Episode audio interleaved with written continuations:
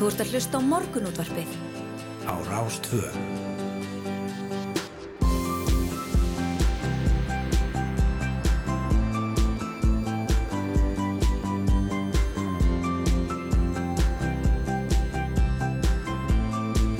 Morgunútvarpið Á Rástvö. Morgunúlpið býður, góðan dag, 5. daginn, 5. mæ og það eru Yngvar Þórum og Rúnar Róbertsson sem verða hérna með ykkur til klukkan nýju. Já, góðan og blessaðan daginn og velkomin á uh, Fætur. Uh, það er fallegur dagur sem að býðu þeirra sem að lappa úti í, í, daginn Já, í, það er lóðið að í segja morgunsári hérna í- á höfuborgarsöðan Já, svona bjart yfir og, og svona hægur vindur Já, og það er nú það góða við að búa í Íslandi að það verður bjart snemma þessa dagana Já, og, og inn í sumarið. já, maður er líku við að vakna núna klukkan fjögur á nóttin að það er orðið bjart. Já, Já. Það er bara fleis. Og þetta er indislegt. Já, þetta er indislegt. Við viljum gera margt í dag. Heldur betur, við ætlum að, að ræði við Ásker Jónsson, seðlabankastjóra um þessa já, stýravægsta hækkun sem kynnt var í gærum 1% stig og er mesta hækkun frá hruni en núna.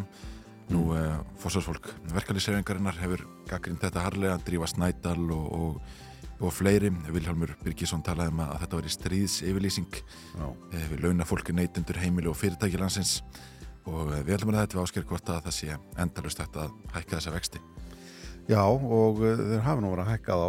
Núna er 3% stig svona með uh, hljöfum og spurning hvort þetta hafi eitthvað áhrif. Já, já. Já, já, en uh, síðan ætlum við að fræðast aðeins um já, skrautlegt fólk sem að gengur um uh, miðborgina Já, þessa dagana því að það er EVE Online Fanfest er í, gangi. EVE Online er tölvuleikur íslenskur og uh, þá hrúast til hansins uh, tölvuspilarar tölvuleikjaspilarar og bladamenn og, og, mikið húlumhæ og sérstarfi á miðborgina þeir eru, þau eru mætt. Mm Þetta er samheldin hópur sem spila þennan leikveristjóra og hérna, við fengum til okkar yfir hönnuð íf fyrir nokkur síðan. Já, og hann talaði um það að sko, hluti leikmanna hafi nýtt eitthvað kerfi innan leiksins til að uh, sko, leysa einhver vandamál tengt COVID já, á, á vísindalegum grunni. Eldar hérna stórmerkilegt. Já, þetta er það sko, þetta er alveg sér heimur. Eldar Ástófsson, vörumerkjastjóri á CCB ætlar að koma til okkar uh, í dag. Og svo ætlum við að aðeins að sjá hvernig fyrirtæki geta bætt þjónustu sína uh, þegar kemur að uh, máltækni í atvinnulífi og samfélagi.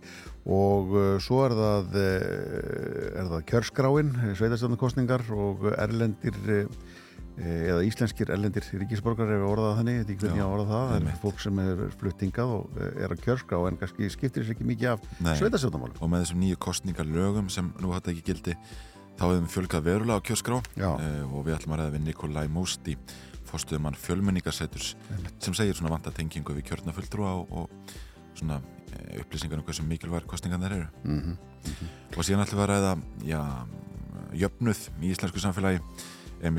og að Emil, Dag, Emil Dagsson doktorsnemi hann er að nýta aðferðir hagfræðina til þess að varpa ljósa á tækifæri fólks til að skapa sér betra líf í íslensku samfélagi.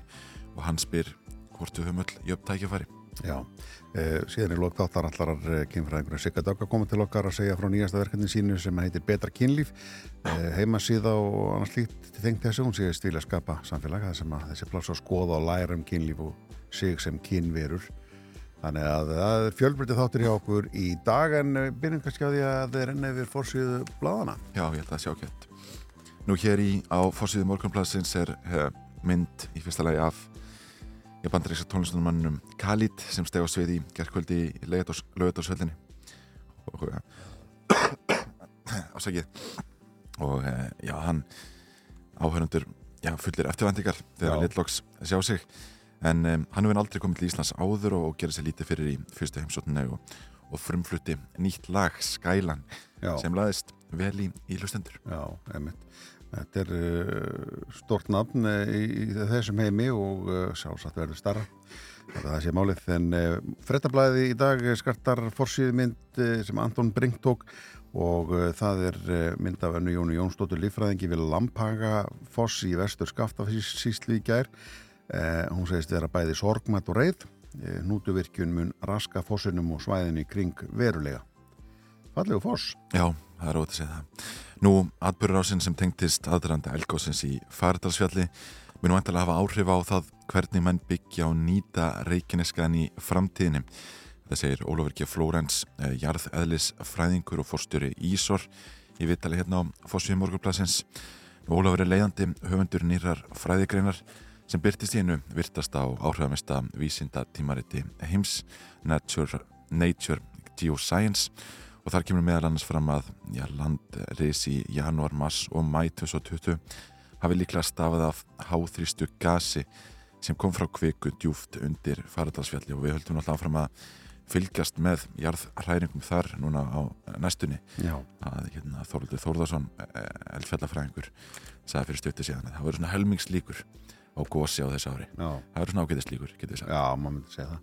E, Fórsíða fréttablansi í dag, það er e, stærsta fréttin, e, aðalfréttin og já, reyndar svo eina á fórsíðinni. Kæra ákvörðun um nótkun kopars í fiskeldi en náttúruvendarsamtöku vilja stöðva nótkun koparoxíðs í fiskeldi, efnið sest á botnin og er skadalettir lífriki. Hann var á svona stofnun bendir á nýju ára leifislösa nótkun. Og hann er talað við e, e, Óttar Ingvarsson, stjórnamann í Laxin Lifi og ákvörðun skipulastofnunar um að sleppa fiskaldisfyrirtækinu Artex í farm við umhverfismat vegna nótkunar kopars og síðst á netsín hefur verið kær til þessar útskorðanemdar um umhverfis og auðvitaðmál. Já, Um er að þrjár kærur vegna eldis í Patricksfyrði, Tálknafyrði og Dýrafyrði. já, með mitt og sen er hérna á annari síðan morgunblassis er rætt um eitthvað sem uh, mörg þá tekið eftir þessa dagana og það það að eldsneitisverð er í hæstu hæðum þessa Já. dagana og það er útlitt fyrir hátt verð áfram og þar hefur Úkrænu stríðið áhrif. Bensinlíturinn í sjálfsafgreðslu kostaði alltaf 308,90 krónur í gerð og líturinn af díselolju 312,90 krónur. Samkvæmt vefnum ja, gsmbenzin.is Já, og díseloljan hefur aldrei verið jafn dýr og nú síðustu áratugi segir Runolfur Ólásson framkvæmdastjóri félags íslenskra bifræðeigenda hann segir að FIBA hafi lagt það til að stjórnvöld breyðist við hækkununum að minnstakosti tímabundi því þær fari beint inn í vísutöluna og komi vest við íbúa hinn að dreifðu byggða sem heila þurfa að sækja þjónustu um langan veg. Já, þetta er eitthvað sem við finnum fyrir hérna svona dagstælega og hérna heilmikil hækkun á stutnum tíma. Eldbetur, uh, alltaf ekka og, og nokk, svo hérna kíkjum við á vefmiðla líka þá, þá hérna á rú.is segir frá því að nokkur snarpur jarðskjálti reyði við rétti eftir miðnetti og fannst víða á suðvestur hortin landsins. Náttúrulega sérfrængar hafa nú yfirfæri mælingar og mældi skjáltin 3,4 að stærð. Og upptökk hans voru að tæpa 7 km norðaustur af Krísuvík og 7 km dýpi á sömu slóðum varð annar minni skjálti eh, aðeins hálftíma fyrr. Og eh, eins og þú varst að nefna, þetta er allt komið á já, þetta er svona, hreyfist allt þarna eitthvað? Já, með mitt, það er bara þannig. Já, já. Já, já, Það er nú hérna ágætt að nefna að það er skemmtilegt viðtal hér á fjórðu síðan morgunblassir það er rætt við Kristinn Hafleðason sem fagnaði 100 ára afmæli sín í gær, hann var vélstjóri og seldi við það og, og gerði sér fasta gestur í Sundhöll Reykjavíkur þar sem já, einhverju kannast við hann. Já, eh, og hann segir að já, svona sund og önnur hreyfing hafi mikil áhrif. Eh, hann hefur lagt mikla áherslu á hreyfingu eftir hann hætti á sjónum, lendi í slísi og brotnaði á fætu og fór að stunda sundið uh, og uh, já, syndið svo litið og slappaði svo af í heitupottunum og það var mjög gott, segir hann hérna. Og hann hérna segir að sundið hafi ábyggilega eigið sinn þátti því að, hann hafi haldið svona góðri heilsu fram eftir aldri. Já ef að það ekki leður í frettablaðið í dag þar sem að Sigmundur Örnir Rúnarsson heldur á penna beður titilinn Klæða lítill keisari og fjallum þess að hérna, hækkun Seðlabankars á stýrivöxtum og nefni það að í, í, í Evrópu hafa menn ekki vilja að fara þessa leið í Evru Londonum Seðlabanki Nei, en getum, maður getur ekki bætið það maður sér að Seðlabanki Breitlands er að fara að hækka Já, já. í dag. En Kristín Lagarde eh, sem er yfir uh, Evróska Sælabankanum hefur ítrekka varað við því að hækka vexti. Já, uh, en það er ekki leiðin sem við förum hér á landi og við getum spurt hann út í þetta núna já, upp úr klukkan átta. Já, einmitt. það líður að frétti með okkur. Fáum fréttir á slæginu klukkan eh, sjö og heldur síðan áfram með, með morgunútarpið og fáum að flotta tónleinsona inn á milli, að sjálfsögðu líka. Þú ert að hlusta á morgunútvarpið. Á Rástvö.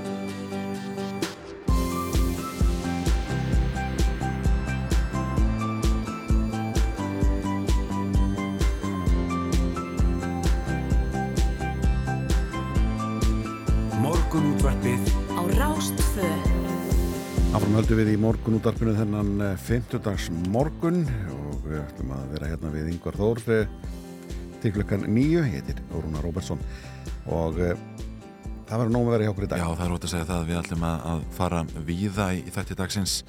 Hér upp úr klokkan átta allar Sælabankastjóra komið til okkar. Hann gerir ráð fyrir að vextir hækki enn frekar á komandi mánuðum og segir að hann óttist að kjara samningar kynnti verðbólgu bálið enn frekar en verðbólga hefur ekki verið meiri í 12 ár.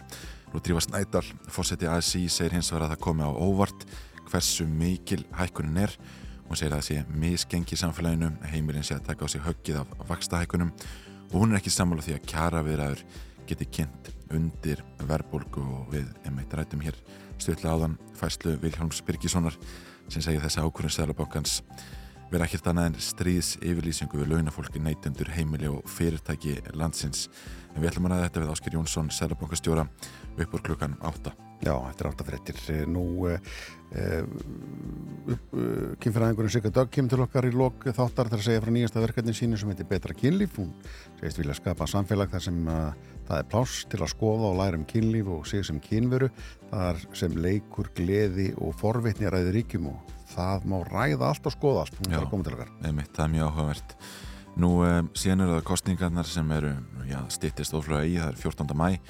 Um, Fréttablaði fjallaði gerum fjölda innflytjandi á kjörskrá í Mýrdalsreppi er til að mynda helmingur íbúa innflytjendur og með nýjum kostningalögum hafa þeir fjórfaldast á kjörskrá en enn vantar mikið upp á kjörsókn og við ætlum að ræða við Nikól Læ Móstím, fórstuðumann fjölmenningasetturs sem segir vanta tengingu við kjörna fulltrú og upplýsingar um hversu mikilvægar kostningarnar eru.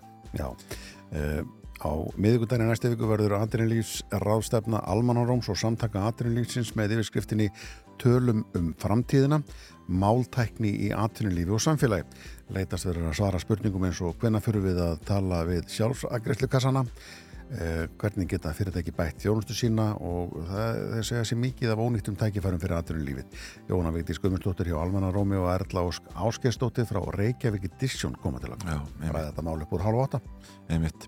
En upp úr klukkan hálfur nýju þá kemur dóttorsnuminn Emil Dagsson til okkar sem nýtir nú aðferðir haugfræðinar til þess að varpa ljós á tækifæri fólks til að skapa sér betra lífi í íslensku samfélagi og markmið þessar nýju rannsóknar sem að stendur fyrir er að náða að mæla forréttindi mismöndi samfélagsópa og samt því að meta hversu jöfn tækifæri eru í okkar samfélagi.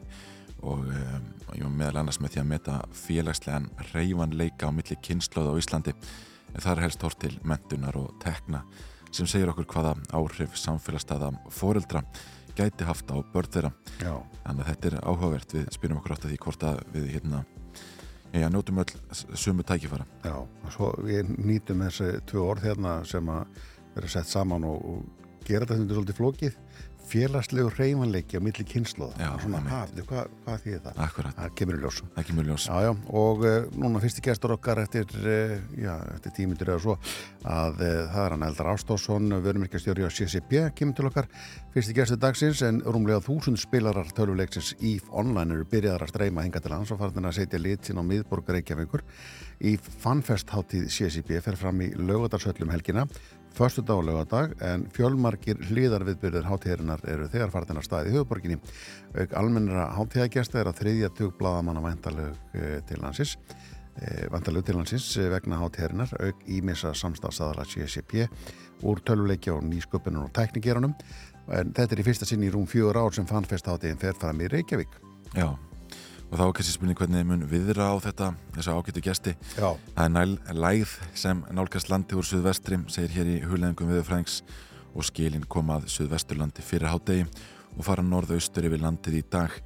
Nú degi verður því Suðaustan 8-13 metrar á sekundu og rigning eða slitta á Suður og Vesturlandi en hægari vindur og stöku jél eða skúri í öðrum landslutum og eftir því sem líður á daginn snýst í Suðvestanátt með skúrum eða slittu jél sunnan og vestanlands en norðan kaldi með snjókomu á norðanverðu landinu og hiti á bylunum 3 til 8 stygg en já, fristir víða í kvöld segir hér í hulengum viðfrængs en ef við skoðum kortið hér á, á viðstofunar þá er þetta svona tiltölulega bjart yfir höfuborgarsvæðinu núna í morgursárið um, en það, það breytir svona það líður á daginn.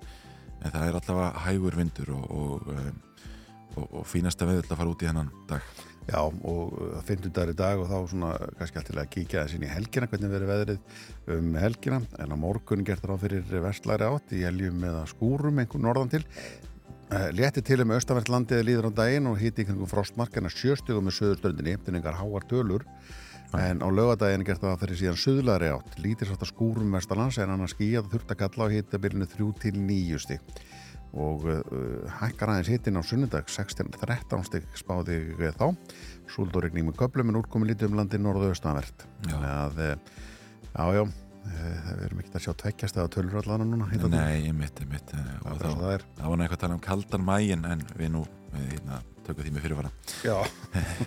Herðu, ég var lítið aðeins á, á vegagerðarinnar. Þar kemur fram að, að það er hálka og holdaföruðheiði og eitthvað um hálku bletti Í dölunum eru vegfærandir varaði mjög slæmu ástandi vega í Dalabið og Reykjólasveit þar sem unni er að viðgerðum. Nú það eru hálkublettir á nokkrum leiðum á vestfjörðum og snjóþekja í Árnæsreppi. Í Bólungavíkugöngum, eh, já þar fram eftir vikunum verður unni að þvotti og því eru vegfærandir beinur um að sína aðgátt og tilitsemi mm -hmm. eins sem er að þvó í Bólungavík. Sumulegis, já já, já það sem ég svo að segja þar, það er bara hérna sama tilkynning sem gildir í rauninni. Um, og norð-austurlandi hálka eða hálku blettir á nokkru leiðum.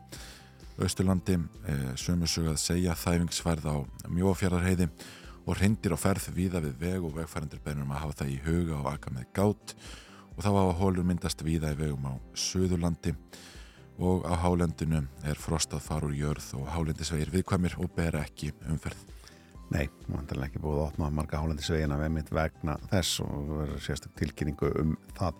En fyrsta leikin hjá okkur í dag í tónlistinni, það á hann eh, Magni og eh, þetta lag eh, heitir If I Promised You The World. Magni okkar eins og auðvöldum hans stöldum, en leifum húnum að byrja daginn hjá okkur í tónlistinni. I can still remember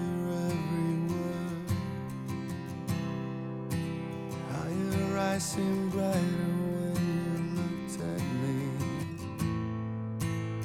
How I made you smile. How you made the clouds all disappear. No one ever taught us how to feel. Nothing can prepare a heart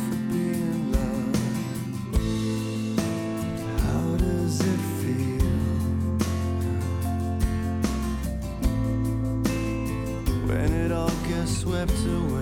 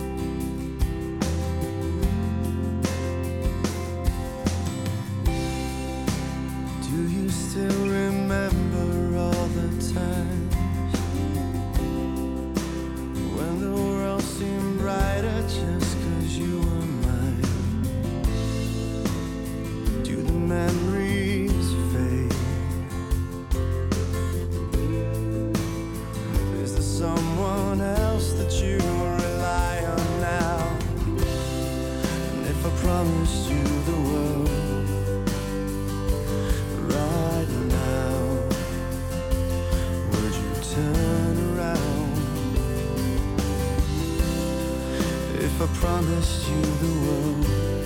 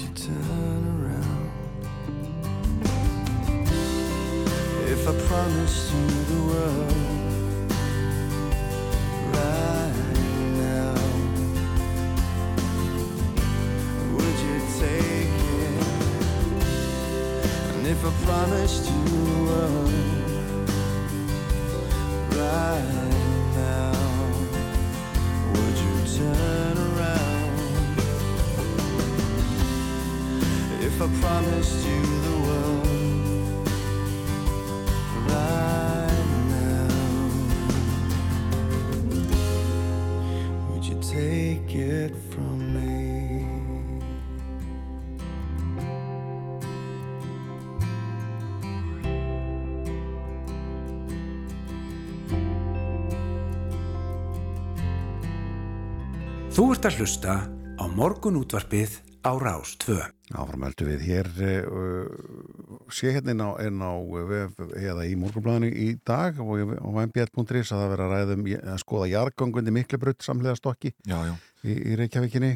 Tölvurtir rættum hennan stokk og, og áhrifin á honum. Við Já. að gera nú betri samgöngur.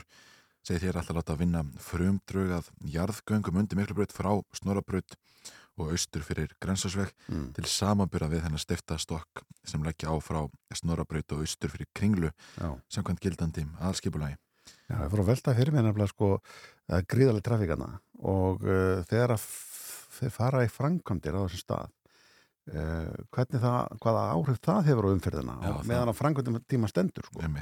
Þarna er maður oft pikkfastur í, í lengri tíma Já, og má alveg fastlega gera ráð fyrir því að, að, að það verði einhverja tafir Já, og, og hvert á þessu umferð að fara. Þetta, þetta er ábygglega heljarinn úrlösta verkefni fyrir þá Já, sem, já. að, sem að er að skipa ekki þetta. Já, Þröstur Guðmundsson, fórstuðumar verkefna áallan hjá betri samgöngum hann segir hugsanlegt að jarðgöng séu físilegur kostur, Já, allavega séu viljill að skoða þann valmöguleika, en tekur fram að það sé annar að ákveða breytingar ef sá kostur kemur vel út í samanbyrðinu. já, maður getur ætlað það að þá er þetta að grafa það undir á þess að hafi áhrif á umferðin ofan en Já. ef það er stokkur þá þarf að opna þarna allt, breyta lögnum og alla græður Já, já, og þarna er framkvæmd. mjög mikið af, af lögnum, skils mér. Já, ég get alveg tímita með það þarna, þetta er svona búin að vera svona eitthvað æð þarna Já. gegnum, gegnum árin en uh, heldum áfram uh, í, í morgunútarefni hér eftir smá stund að uh, þá uh, sest hjá okkur hann Eldar uh, Ástásson, verum ekki að stjóra hjá CCP við ætlum að ræða eins EVE uh, online eða EVE Fanfest sem að verður núna um helgina Why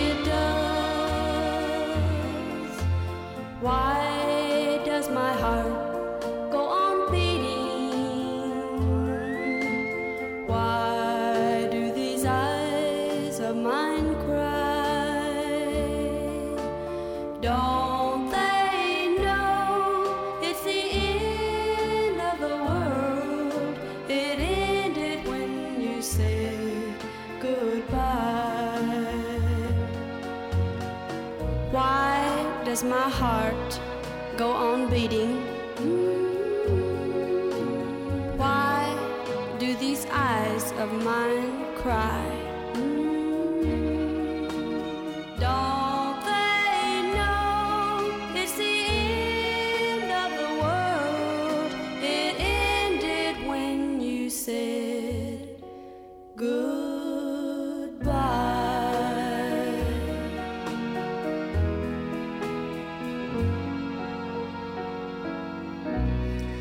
Skeeter Davis hérna í morgunsárið The End of the World svona, Já. svolítið hugljótt, kannski ekki textin en Nei, hendur alltaf Þannig. notalegt svona alltaf að keira okkur inn í hennar dag Já, það ekki? ég. Mm. Jú, jú, en uh, Íf Fanfest fer fram núna um helgina í lögadagsöll, fyrst á lögadag og maður sér strax núna bara í miðborginni að uh, ásjón, ásýnd miðborginna aðeins breyst og hérna gerir það hverju hveri, hveri hátíð en það er fjögur ár síðan að síðasta hátíð var haldin Eldar Álstóðsson er vörumirkjastjóri á CCB hann er mættur, velkomin Takk hérlega. og góðan daginn Já, góðan daginn. Fallegu dagur. í Þetta er fallegur hérna. dagur. Allan hérna á höfuborgarsvæðinu. Sko. Já, nákvæmlega. Eh, Þú sér þetta greinilega nýri miðbæ, eins og við öll að maður svona, þetta er ekki einn típiski ferðamaður sem maður er að velta hann um. Algjörlega, sko. Algjörlega. Ég meina, uh, já, borgin er svona byrjuð að fyllast af, uh, já, sumið vilja meina bara nördum, sko. Þetta er bara tölvunördar sem að koma til landsins. Mm -hmm. Uh, að sjálfsög allstaða frá og, og af, af öllum, öllum gerðum þannig sé, sko. Eh, og það er alveg svona við auðvitað tökum eftir því en líka bara margir rekstrar aðeilar í mið, miðbærum sko sem eru bránaðir þegar, þegar þessi hópur ferðamanna kemur til, eh, kemur til landsins og borgarinnar já, sko hvað nákvæmlega er Íf fanfest? Í Fanfest er eiginlega svona þetta er hátíð, ráðstefna og við viljum meina eiginlega þjóðfundur því að þetta eru spilarar í, í heiminum sem er reisastór og hérna sem, sem koma hinga til lands og, og eru, eru auðvitað hinga komin til að skemmta sér og hitta aðra en líka til að ræða um efnagasmál, sagfræði, stjórnmál í, já, í heiminum því að hann er, já það eru rúmlega miljón mann sem, sem spila í í hverju mánuði þannig að þetta er einhverju svona nánast, nánast stærra en þú veist íslenskt kerfi og, og, og hérna Já. raunveruleiki sko. Já, það er sérst, sko sagfræð og, og stjórnmál innan Íf töluleiksins Já, já, Já. þetta er leikur sem hefur verið í gangi náttúrulega í- hátt í 20 ár þannig að það er, eru sko, já, miljónir manna um allan heim sem hafa svona tengingu við þennan heim e, með einum eða öðrum hætti og, og hérna, og auðvitað ímislegt sem gerist í, í þessum heimi sko. já. Þetta hlýtur að vera einhvers konar afrek að halda út í töluleik svona vinsalum svona lengi. Já, það er það. Við erum mjög stolt af því hjá CCP að, að, hérna, að, að þessi leikur hafi lífað svona lengi og, og, og við erum auðvitað líka mjög stolt af fanfest hátíðin og þessu konsepti þannig séð. Við vorum svona með fyrstu fyrirtækjunum til að bjóða okkar viðskiptavinnum sem eru spilarar í leiknum í eitthvað svona, já, partí þannig séð sko. Já. Þannig að við, Mm. við erum mjög stolt af þessari hátíð og, og alltaf mjög gaman þegar við gerum þetta en eins og þú sagðir þá, þá er alveg fjögur ár sem við gerum þetta síðast Já.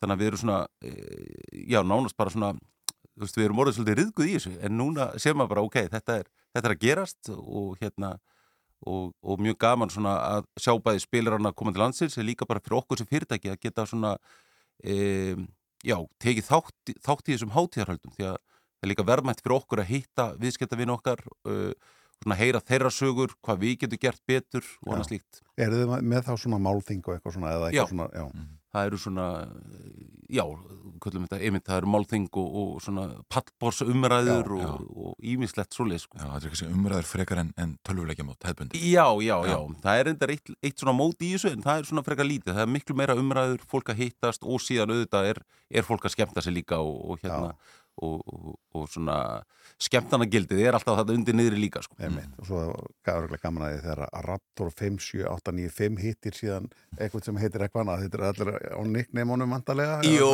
jú, fólk heitir náttúrulega ymsu nöfnum í leiknum Já, og, já. og allt það en, en það er líka svolítið merkilegt að fólk hefur kannski aldrei hist áður í, í personu Nei, en gera það hérna í Reykjavík á Íslandi og, og svona svarnir óvinnir í leiknum, þeir hittast líka og, og þá, þá er bara oft bara glatt á hjalla og fólk bara fær sér, já, þeir já. fá sér kaffið eða bjór saman og, Já. og skemmta sér saman þannig Já. að það er svona bæði, bæði vinnir óvinnir hittast og, og, og hérna og, og svona, hva- hvað við segja já, bara passa sig að, hérna, hittast á mjög góðu fórsetum Já, hérna, já. hérna á Það- Íslandi Hafið þið nokkuð heyrt að hjónaböndur sem hafa orðið til úr svona? Jú, jú, það og verið giftingar á Já. fanfest hátíðinni Vel gert. Já, já, einmitt. þannig þannig að það eru ímis svona sambönd sem að bæði, bæði hvað við segja, vera til á, fan, á fanfest og önnur sem svona kannski já, eh, svona staðfesting eins og, eins og giftingar sem, sem Já. einnig eiga sér stað. Já, er já, fyrir Nei, hvað segirðu? Nei, ég var að segja, maður oft heyrt ótrúlega sögur innan á leiknum.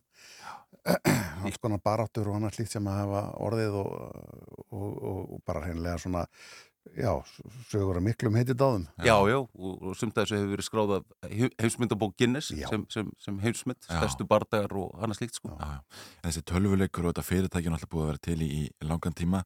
Eh, hvert serðu það svona að stefna? Er eitthvað breytingar framöndan á leiknum eða, eða starfsemi fyrirtækisins? E, það eru, við erum alltaf að betur um bæta í online og það er kannski líkillin að, að því að leikurinn er búin að vera til í 20 ár. Við erum alltaf að koma með nýjungar og þá oft erum við að hlusta á spilar á hvað þeir vilja koma með. Mm. E, fyrirtækið er sumulegis að, að vinna svona nýsköpunar og þróunaverkanum, eitthvað sem við getum kannski ekki talað um hér og nú eða á fanfest, en, en, en við erum að, að vinna að, að bæði nýjungum í, í, í online sem er alveg svona líkillin að því að halda þessu gangandi. Það er ákveðin nýsköpun og, og nýjir hlutir og síðan eru nýverkinni sömulegis í þróun hjá, hjá fyrirtækinu. Já, hvað er að margir starfsmenn núna á Íslandi? Við erum rúmlega 230 manns. á Hefur, þeim eitthvað fækkað eða fjölgað hér? Þetta er sko, við höfum fjölgað undanfarið, Ok. töluvert, síðustu, síðustu tvö árin og í gegnum COVID.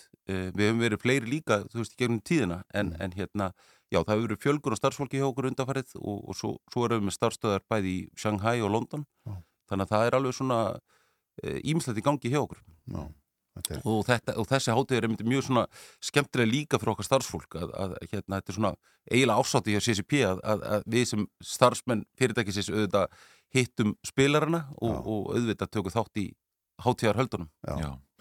Þetta er stórmerkilegt. Eldar Ástóðsson, vörumarkastjóri hjá CSIP. Takk fyrir að kíkja til okkar í morgunundarbyð. Takk fyrir mig. Og við fyrum að skipta yfir á fréttastofuna og ætlum síðan að að ræða já, tæknina áfram. Eh, Tölum um framtíðina á máltækni í atvinnulífi. Já, einmitt, það er mjög áhævert er og eftir við spurningu þau getum við farið að tala við afgræslikassana í búðunum svo sögum kýrið þannig reyndar en þeir svara ekki móti, en þetta er yfir framöndan. Morgun útvarpið á Rástvö. Já, þá heldur við bara áfram ykkur, er það ekki? Jú, ég held að það sé Áframveitin í dag, bara að fá góða gesti í hljóðverið. Já, það er ótt að segja það. Jóhanna Vítis Guðmundsdóttir og Erla Ósk Áskjörsdóttir. Velkomin í morgunútvarpið og góðan daginn. Góðan daginn, takk fyrir. Já, kannski koma aðeins, aðeins næður svona, Já. hægur, hægur vel í ykkur. Eh, hérna, en eh, núna miðvikudaginn næstu viku eh, er ráðstefna sem að þið, ætlaði að segja ykkur aðeins frá. Ef að þú byrjar á því, Jóhanna Vítis, hvað, hvað er þetta? Já, miðugdagen næstu viku ætlum við að tala um framtíðina Já. og það er yfirskrift ráðstefnunar og þar vísum við í rauninni við og máltækni hún hjálpar okkur að tala íslensku við tækin og við fólk í gegnum tækin. Uh, og hún tryggir líka framtíð íslenskunar í stafrætti tækni og, og stafrænum heimi og, og uh, máltækni hefur svo marg, mörg svið. Þetta og þarna þessar ráðstefnu ætlum við að einblina á það hvernig hægt er að nýta hana í daglegu lífi, í þjónustu, í atvinnulífinu og, og svona eins og Erla kemur kannski inn á eftir, það, hún skiptir svo miklu máli bara fyrir framtíð íslenskunar og fyrir framtíð íslenskunar skiptir mála við tölum hana. Það er kannski nummer 1, 2 og 3 Já, og ekki, ekki ykkur, ykkur ákveðin tækni en máltæknin gerur okkur kleift að nota hana í framtíðinni. Já, einmitt. Erla, þú kemur frá Reykjavík Edition hóteluna, eina 5-17 hótelið á Íslandi þegar ekki og, og uh, þið vantarlega viljið vera svolítið leiðandi. Jú, ekki spurning. Ferðarþjónustan er í dag að miklu leiti borin uppi af erlendu hérna, starfsfólki. Já, og í mínum huga þá er tungumáli líkillega að samfélaginu. Það ætlar að búa á Íslandi að þarf þetta að læra tungumáli og við finnum svo sannlega fyrir vilja starfsfólksins til þess að læra tungumáli og, og, við, og það eru alls konar svona tæki og tól sem að hérna, fyrirtæki sem geta nýtt sér og til dæmis hérna hefnisettu ferðarþjónustunar, þau gáfu út hérna fagorðalista ferðarþjónustunar sem bara svona einfalt fyrir, ef þú ætla bara að gera eitthvað pínu lítið þá getur þú hengt þetta upp, þá eru öll helstu hérna, orðatiltæki á íslensku, ennsku og pólsku. Já, en svo er þetta að fara í stærri hluti eins og ég hef staðið fyrir og gerði reyndar hjá Æslandir hótelum þegar ég var að vinna þar. Og þá fórum við í það að að það sem er kannski oft mest krefjandi fyrir starfsfólki er að finna tíma. Já, og þá fórum við sérst í það að bjóða upp á íslensku kjenslu á vinnutíma í samstarfi fyrirtæki sem að gera þetta gríðarlega vel. Þau sérst þá meta stöðu hérna hvernig staðan þín er af því að margir kunna eitthvað og eru á mismunandi stigum og svo er kent eftir, eftir því á hvað stíið þú ert. Og til dæmis hérna, bauð þetta fyrirtæki sem heitir Retur bauð upp á hérna þá eru henni fyrir til dæmis eins og pólverja þá eru með hérna pólsku mælandi Íslending, eða íslensku mælandi pólverja að kenna pólverjum og þá ekkert neginn næst árangurinn miklu Mm. hraðar Mm. Og maður verður svo stoltur þegar maður sér hérna starfsfólki ná árangri og bara í þessari viku er ég búin að tala við bandarækjumenn sem talar bara fullkomna íslensku og frakka og íra og þetta er bara stórkvæslegt og að því maður veit hvað fólk þarf að leggja á sig. Já, og það, já, og hva, hvað áhrif hefur þessi máltækni á þessa þróun heldur á, á næsta árum? ég held bara, þú veist, það sem skiptir máli er að vera meðvitið um þetta og ég held að hver einasti foreldri á Íslandi þekki það að ég á til dæmis 11 ára dreng sem er, hérna, talar ennsku alveg bara eins og innfætur og stundum koma ennsku orðin fyrst til hans Já. og þá skiptir máli hvernig maður nálgast að, hérna, að hjálpa fólki að læra, hvernig maður, hérna, og það skiptir líka máli eins og þegar maður er að leiðrétta, þú veist að maður endur tekur bara, ég endur tekur bara íslenska orðið og það er sama eins og þegar maður er að hjálpa erlendu starfsfólki, erlendu fólki að læra íslensku, að maður endur tekur bara orðið, þú veist, þannig að maður sé ekki að brjóta fólk niður. Og þetta Já. er svona hluti líka sem við þurfum að læra sem Íslendingar að hjálpa, hjálpa hérna, fólki sem búa hérna, hvernig við hjálpum þeim að, þú veist, að því stundum vilja þau sko skilja það miklu meira og þá, þú veist, ég segi bara, þú veist, starfsfólki hérna, ok, ég heyri á að tala íslensku. Og þau bara, eitthvað, já, smá, eitthvað. Ok, þá tala ég bara íslensku við þig og þú ræður bara hvernig þú svarar og svo segjum að, endur tekum að bara orðin að þau segja eitthvað ránt eða þannig Já, einmitt. einmitt ma- maður átt að, að segja því líka sko, fólk er feimið við að tala nýtt tungumál og maður sjálfur er maður fer erlendir og býr einhver staðar og þetta læra nýtt tungumál að það er svona, tekur svona tíma að þóra að tjá sig á tungumálunum sko, því að flesti vilja ekki svona uh, að sé lítið á að það sé eitthvað kjánulegt hjá manni sko. þannig að það er mjög Já. gott að einmitt flók sér hvað til þess að tala þetta Já, og það er held ég þröskuldurinn fyrir flesta er, er nákvæmlega þetta, þú veist, maður svona skamma sín og gerir vittlis og vil ekki, vill ekki líta svona heimskulega úti eitthvað og, og þá þarf maður að passa að það sé, sé nákvæmlega ekki upplifunin, að því að þú veist, þá kannski vill, er fólk síður hérna, síður reyna og Nei, ekki vera stöðt heldur að leiðrétta því þá verður þetta ekki samtal, sko. Nei, Það brýtur fólk bara niður líka. Já. En það er mitt uh, áhersla á þessari ráðstöfnu, þá erum við að fjalla um tungumála kennslu Mhm. og kennslu á íslensku og aðgengi að því, uh, leiðir, aðferðir. Uh, það er þarna svolítið skemmtilegt uh, verkefni sem að vann gullerki, gullerki núna sem að heitir Tvík, það tæknivætti um, íslensku kennarin Já, og þetta eru krakkar bara úr, eða ungt fólk, krakkar, úr hérna háskólunum sem að tóku þessa máltaknilausni sem við erum búin að láta smíða, þessa innviði og notuðu það, það er til þess að búa til uh, svona app, getur við sagt, sem að hjálpar fólki að komast yfir þennan hjall Já, sem að þú ert að lýsa að sko þóra, þú veist, það er nefnilega þegar þú ert að læra tungumál, þá getur maður, maður getur lært ykkur sagnur utan að og maður getur lært að lesa tungumálið og skilja það en stæðsti hjallurinn er að byrja að tala það og, og þórum mitt að tala það við aðra en þannig ertu kannski, þannig fari hjálpi að komast yfir þann já, En við fjöllum ansi mikið um ákvörð þennan, þennan hlut og Eirikur Rökkvaldsson hefur til dæmis verið óþreytandi uh, talsmaður þess að við sko hvetjum fólk með jákvæðum hætti eins og Erla- Erla er að lýsa til þess að tala tungumálið við erum ekki að berja á þeim við erum ekki að hérna, brjóta fólk niður og svo er það akkurat þetta að leifa fólki líka bara að velja sjálft það Já. kannski er akkurat að, að æfa sig og er ekki komin á þann stað að fóra að Mhm. tala svo er bara rosalega flott frambóð af íslensku kjænslu, mismunandi eins og það er bara sér fyrir vaktafinu fólk, það er Tinkan Factory, Mýmir, Réttor og, og það sem er, hérna, finnst mér mjög smart sem að stjættafélina er að gera mjög vel, að þau eru að endugreiða alveg upp í, frá 75% upp í 90% af kostnaðinum. Og við hefum tekið það skref sem fyrirtæki, það er ekki ekki edition og veit ég að fleiri hafa gert, að við borgum restina. Þannig í rauninni þarf starfsfólki ekki að borga neitt og þá er þarf að bara finna sína eigin kvata og það náttúrulega er grunnurinn að árangreða þetta í þessu að, að, hérna, að það sé eng, engar hindranir á veginum sko. Já, einmitt. En við tölum um þessar máltækni sem tengist tækjónum beint, sem þið í almannarúmi hafið tölvört verið að skoða, hvað er langt í það að við getum fyrir að tala bara við tækjan okkar heima á íslensku og við um, sjálfsafgjörslu kassan út í búð, segja hann hvað við viljum. Akkurat, þetta er alveg miljón krónar spurningin og sem við hefum fengið mikið, en það var þrjú ár sem þessi máltakna állin hefur í gangi. Og það er ekkert svo langt við það. Og við erum, þetta er, þetta er svona kannski mörgur stigum, það að geta tala við tækin og geta tala við svona þessi svona þessi stýringartæki á heimilum sem margir eru með, það er eitt.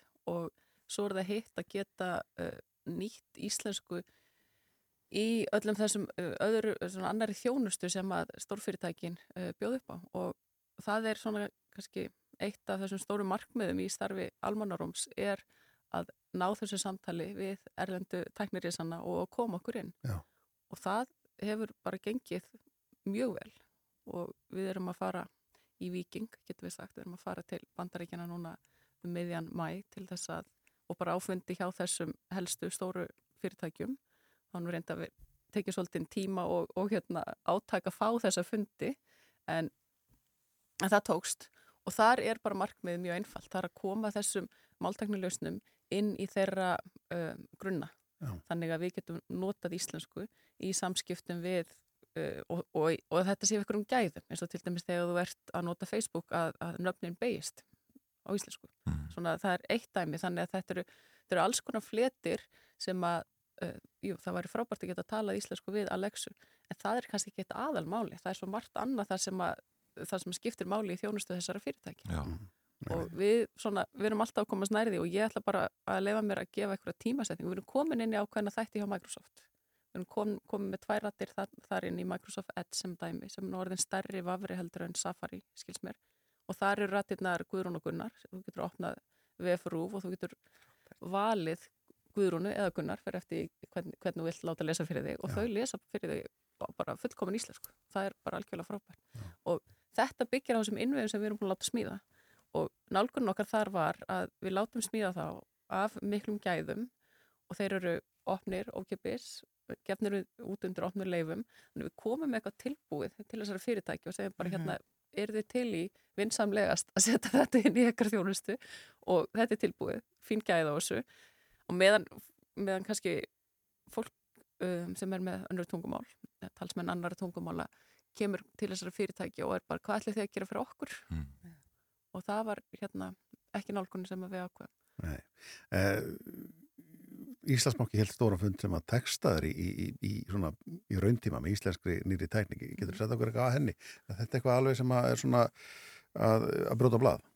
Já, þetta er náttúrulega bara eina afverðum máltakni áallunar og, og hægt að nálgast það í gegnum týro.is og bara engin spurning að þetta er á fólk að nota. Og það eru svo margar afverðu komnar út, þú getur farið á yfirlestu.is og þá getur þú tekið texta sem þú ert búin að skrifa á íslensku og þú getur skellt honum inn og þú fær leðréttingar og tillögur að leðréttingum og það er, það er ofsalega, það eru mikil gæð á því, vélþýðing.is það er líka sér satt uh, þýðing á milli ennsku og íslensku sem er gaman að stundum að bera saman líka við þýðingar á milli, eða þetta á Google.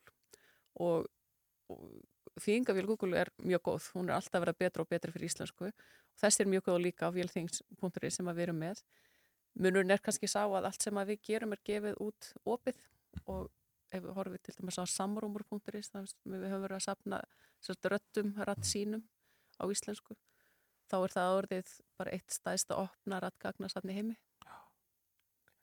Þetta er mjög áhægt. Já.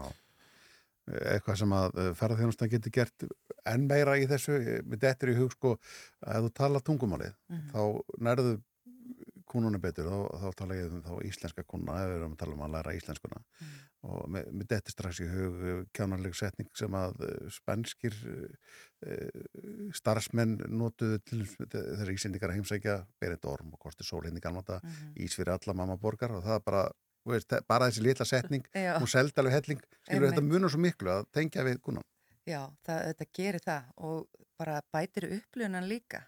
Og svo held ég líka bara fyrir starfsmannin að þú kannski tengist líka viðskiptin betur að þetta gengur líka allt út á bara þú veist samskipti og tenging á milli fólks. Mm -hmm. en nú svona eitt sem er dettur í hug sem að þú veist ég held að mörg fyrirtæki gætu gert og hérna ég gerði eins og neða ég var að vinna hjá hugbúnaða fyrirtæki og þá var að gerðu við alltaf á degi íslenskra tungu að því að það eru margir hérna, vinnustæðir bara með veist fullt af ennskum orðum sem er ekki til íslensk orð fyrir. Já. og hver er betri en að búa til nýjir heldur en nákvæmlega þeir sem vinna í greininni? Og bæði, þú veist, ég bæði gert þetta hjá, hérna, á núverandi vinnustæða en líka hugbúnaðar geira og þú veist, og þetta getur verið svo skemmtilegt, veist, þarna kom til þess eitthvað, þú veist, þeir forritar alltaf að vinna við að dýböka og þá eru þeir núna að aflúsa, veist, það er þetta, þú veist, gera skemmtilega hluti og þetta þarf ekki að vera flókið en bara taka allir þessi litlu skref og Já. þá saman einhvern veginn hjálpust við að passa upp á tungumáli og, og hérna þróist. Já, einmitt, það er þeir sem er, er í lagseldi eru er þá að dýböka lagsin Já. Það ekki kom í hinn áttina. Þetta er áhverð, þessi, þessi rástefna er á, á miðvikudaginn næsta og hvað öllum opinn er þetta að fylgjast með henni? Hún er öllum opinn, hún, það verður hægt að fylgjast með henni í streymi líka. Já, en við bara hvetjum fólk til þess að mæta í Silvubergi og Hörpu. já. Og þetta er hvað, milli 2 og 4 Byrjum klukkan uh, hálf þrjú, hálf þrjú, Já. endum hálf fimm. glæslegt Jóna Víti Skumundsdóttir hjá Almanurúmi og Erla Ósk Áskistóttir fara að reykja ykkur dísjón, takk fyrir að koma til okkar og segja okkur aðeins af þessu. Það er, uh, þetta, er- þetta er greinlega réttri leið Já, við- þetta eru hænurkrefin, við verðum að taka þau til Algjörlega. að komast á, á, á leiðranda, það er bara þannig hérna, þetta er má stundu alltaf að halda okkur við svipa efni, þannig séð, þó að sé ekki endilega að tæknin, en uh, það eru er, fjöldi innflytjandi á kjörskrá Já, já. Þeim hefur fjölgað samlega e, breytingum e, á kostningalögum og við ætlum að ræða við Nicole Laimósti e, sem segir vant að tengingu við kjörnafulltrúa. Baby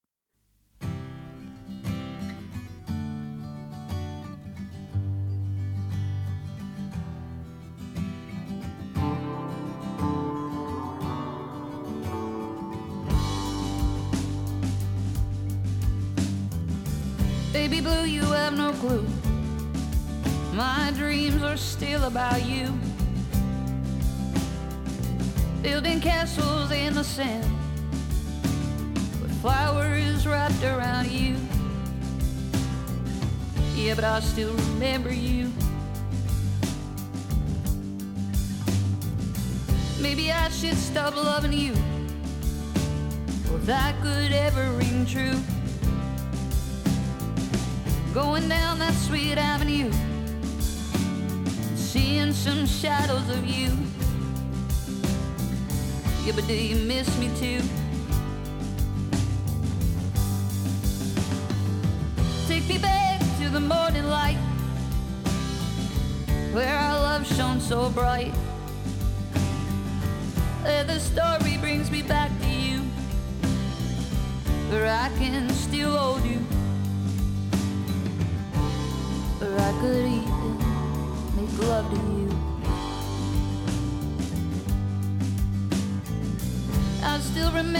crazy jacket, surrounded by polka dots too. Playing records, they were all dancing, yeah, but they were all jealous of you. Yeah, but you were with me too. Take me back to the morning light There our love shone so bright Where the story brings me back to you Where I can still hold you Where I could even make love to you But hold on, king and queens all the stars will fall on you. An old school man still shining her shoes, cause they got work to do. Oh, yeah, but so do you.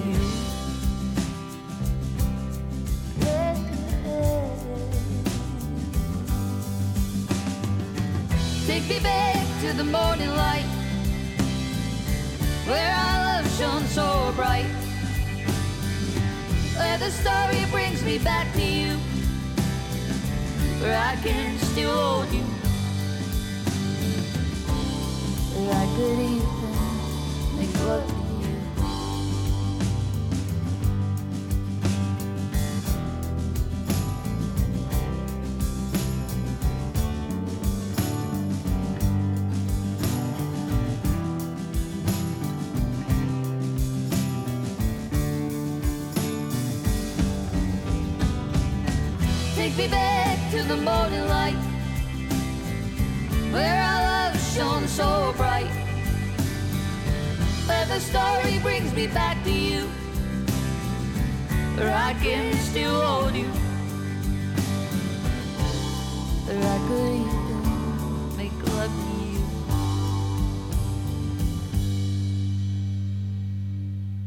að hlusta á morgunútvarpið. Á Rás 2.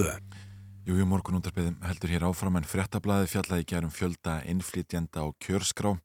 Í Mýrdalsreppi er til að mynda helmingur íbúa innflytjendur og með nýjum kostningalögum hafa þeir fjórfaldast á kjörskrá. En enn vantar mikið upp á kjörsóknina. Og Nikóla Læmóstím, fórstuðumar fjölmynningasettus í kominninga til okkar, góðan daginn. Góðan daginn. Sko við byrjum á þessum breytingum á kostningalögum. Hvaða áhrif hafa þau á þá sem er að kjósa hér í fyrstskipti?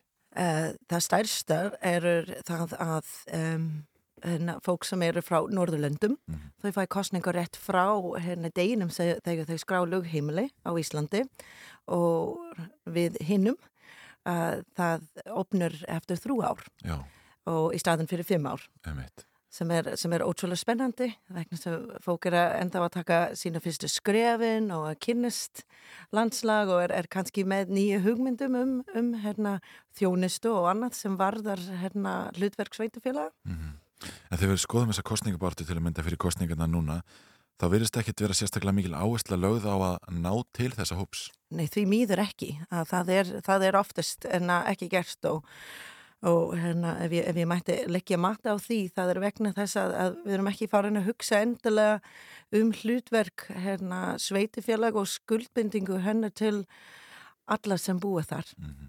og hérna, vegna þess að sveitifélag bera það þunga með í raun og vera að vera framkvæmdi vald Já, já. og veitu þjónustu eru að mikla leiti atvinnurekkendur og hérna, ber skildi til þess að tryggja þess að réttindi allara er virtar svo að hérna, það, það er svolítið synd að, að kannski núna eins og frettur er að við tölum um hérna, innflytjendur svolítið út frá fjöldunum Mhm. tengt atkvæðum og það er miklu meira sem leggja bakvið hérna, þessi atkvæði. Já, já, einmitt. Eh, sko,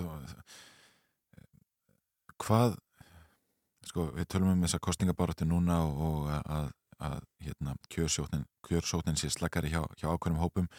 Eh, hvað þarf nákvæmlega að gera til að, til að ná til þessa hóps? Það verður raunverulega að eiga samtal með fólk af velendum uppruna. Ég var búið núna í vikunni uh, til Garðabæ uh, fyrir ákveðin listi þar til að tala einmitt um, um hérna hlutverksveitufélags og, og þetta samtal með, með innflytjendur og það var einn manneskja af velendum uppruna á svæðinu, nema mig. hann, var, hann var æðislegur og við áttum alveg frábært samtal um, um hérna, það sveitufélag og hvað mæti ganga vel og hvað gengur vel um, en því mýður hérna var ekkit betur, betur en það. Nei, maður sér til mér farin að sjá ylýsingar á samfélagsmiðlum og viða frá frambúðunum Mhm. viðamland, en maður sér lítið tala til innflytjenda, þetta er allt bara einhvern veginn beint að okkur mölbúna sko. Ég held að partur af þau líka er það að hérna, okkur listunum endur spekla ekki nægilega vel það samfélag sem við búum í Já. því mýður og núna hérna, í upphaf ársins var farið í átak að það var hérna, fjármagnað úr fórsetis hérna, ráðuneytinu og jafnrættis stofu hérna, tók fórustu í þessi verkefni og það heiti Já, takk og, hérna, og þá var til þess að tala, hérna, eiga samtal með flokkina og jáfnvel bara innflytjendur um það að, að hafa meira fjölbreytni á kjörskrá. Mhm. vegna þess að það, nefnilega þar kemur þessu hugmyndum, þessu þróun og, og hérna, fyrirmyndir. Eh, ég, ég veit ekki að eh, fólk hugsa um mig og, og aðra eins og ég sem er að velendum sem hefur tekið virkan þátt en fyrir mig, kannski það mikilvægst er ekkert að ég náði hérna, kjör einhver staður það var þessi ferli að læra um hvernig samfélag fungara Mhm. að hérna, þó að ég átti ákveðin ósk um hvernig þjónistu eða hvernig hérna, Reykjavíkuborg á sínum tíma ætti að haga sér sem atvinnareikendur gagvært hérna, innflytjendum þá læriði ég mér fljótlegt að penning er, ekki, er búin til, það er ekkit gutt kistu undir áðhúsinu og annað og hérna, hafði bara miklu meira áhuga á þjónustu og, og, og það endur spekla hvernig ég haga mig sem hérna, almenna borgara. Mhm. Mínu samskipti með bara þjónustu og, og hérna, borgarbúar almennt. Já, einmitt. En, sagt, þegar litið er yfir listana sem er að bjóða frá núna, e, þá virðist hópurinn vera einhver leiti örlítið einsleitur. Já, því miður. Því miður. Það þarf að vera meira, hérna, meira fjölbreytni og hérna, að þessi fjölbreytni, það er til. Við skulum ekki láta þess að það er ekki til, en þeir eru kannski ekki í sætunum sem mun á kjör og það er það sem við þurfum að sækist eftir. Við þurfum að sækist eftir að þeim sem er að taka ákverðun um stefnu og, og þjónustu sem, sem sveitufélag er að veita að það endur speikla fólk sem er að njóta þessu þjónustu og hérna ég man aldrei eftir hérna fyrstu stór hérna kostningar hérna eða svona hérna fund og hérna hún Birgitta segja við mig já nú ert þú að fara í stór viðtal Já. vegna þess að skattgreðundir eru náttúrulega það er þeim sem, sem er að ráða okkur í starfinu sem fer fram Já, já, einmitt, einmitt. Nú þú yfir fjölmenningasettir í rétt í lokin, hvað, eh, hvað framöndan, hver, hvert er eitthvað helsta verkefni núna og hvað framöndan hjá fjölmenningasettirinu? Já, það sem við hefum gert núna er, hérna, er frábært, hérna starfsfólk hjá mér hefur hérna lagt allt í að setja eins mikið upplýsingar og hægt er að fá um kostningar á vefnum okkar sem er hægt að lesa á fjöldu tungumál um hvernig kostningur fer fram, hvar, hver hefur rétt á að kjósa, af hverju þið ætti að kjósa, að gengja á listunum og frett. Svo bara endilega kíkja á það. Hættir góðlokar Nikolai Mosti, fórstömmar fjölmenningasettist, takk fyrir að koma til okkar í morgunúðaspið. Takk fyrir það og hér handaf hodnið þá er það Ásker Jónsson, Sæðalabangastjóri sem hættar að koma til okkar en eh, fréttir eh, koma á eh, slæginu klukkan átta. Þú ert að hlusta á morgunútvarpið. Á Rás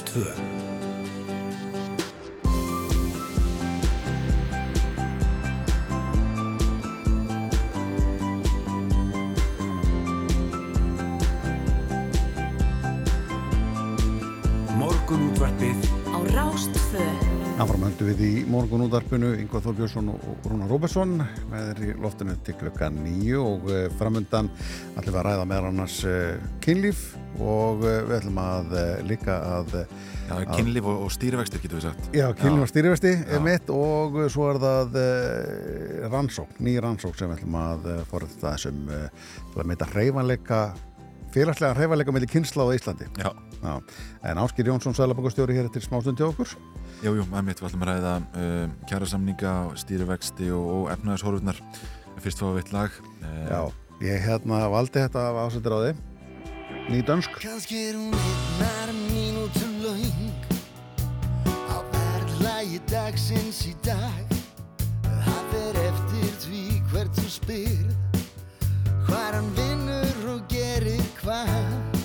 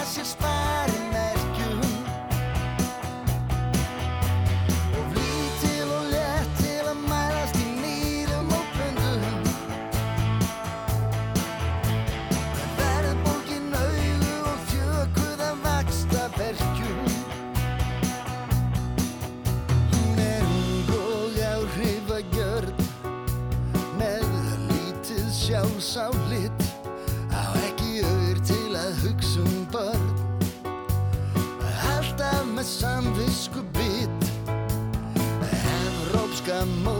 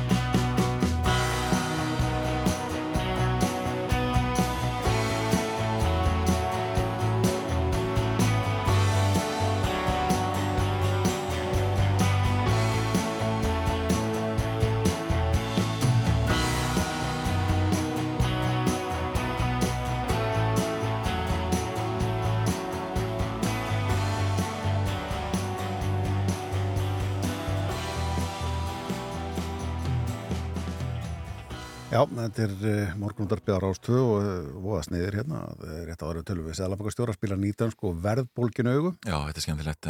Sælabankastjóri gerir einmitt ráð fyrir að vextir hækki enn frekar á komandi mánuðum og óttast að kjara samningar kynnti verðbólgu bálið enn frekar en verðbólga hefur ekki verið meir í 12 ár og Ásker Jónsson, Sælabankastjóri kominninga til okkar, góðan daginn. Já, góðan daginn.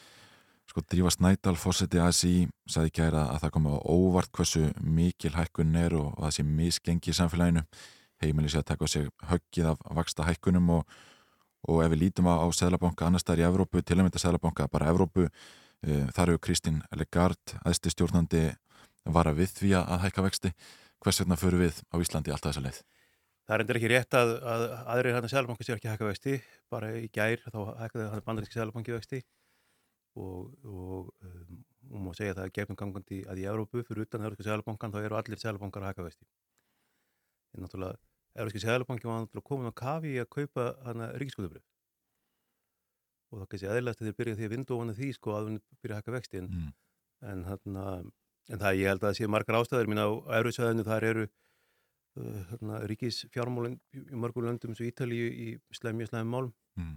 þau bara get ekki að hækka vexti Þannig að þarna, en það eru allir sælabankar að, hækka vexti. Mm. En er þetta eina tæki sem sælabankin getur beitt? Nei, nei, við, við höfum náttúrulega fleiri tæki sko og hérna, þetta er kannski svona fyrsta tæki það því að þið sjáu það að eh, fyrir vastahækkunna þá voru hérna, stýrivextir 2,75 og verðbólkulegin 8-9% og það er doldið mikið miskengi sko og, og hérna, við þurftum að bregðast við.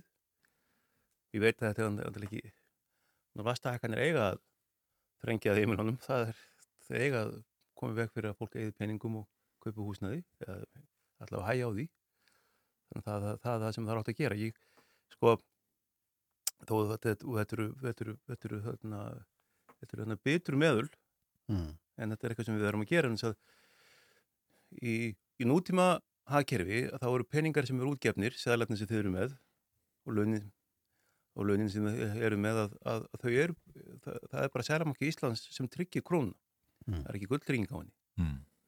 og, við, og við gerum það með, með vöxtunum og við erum að reyna að tryggja það að Sælarni sem að sem fólk er með í vöxtunum að haldi, haldi kaupmætti. Já, en nú e, e gaggrín líka út af það að þið hérna e, þetta búin að vera svolítið skorphækku núna á stöðum tíma og uh, það er samt ekki haft áhrif, verðbrukum fyrir samt upp. Er þetta ekki að virka? Er, er, erum við að gera sömu hlutina aftur og aftur án þess að það hefur nokkur áhrif? Nei, sko, um, það er rétt að, að, að, að um, einhver litið framönda verið ekki eins og við höfum alveg óskað. Um, það bæði það að það hefur komið bara einhvern veginn miklu meiri verðbólkað utanhaldir við byggast við, það er svona íftið upp. Mm -hmm við hefum reyndir ágjör því hún er eftir að koma. En það eru aðri hlutin eins og það að fastamarkaðin hefur haldið ára með hækka. Og það voru nokkuð vonbriði við Sælbankin hefði sett upp uh, ákveðin á lánþegaskilir því takmarkanir á skuldsetningu takmarkanir á lántökum sem við svona vonuðum að myndi einhvern veginn hemmja markaðin en svo er bara, bara aldrei færri eignir og sölu og bara sérst, og svona þannig leið og hagkjöru tekuð þessi og þá fær fólk vinnu. Ungt fólk kemur inn á vinnumarkaðin, fær vinnu og, og vil fara að taka þátt í atvinnulífunu og þá þarf það húsnaði. Uh -huh. mm. og, og, hérna, og bara því miður þetta húsnaði það er ekki búið að byggja það.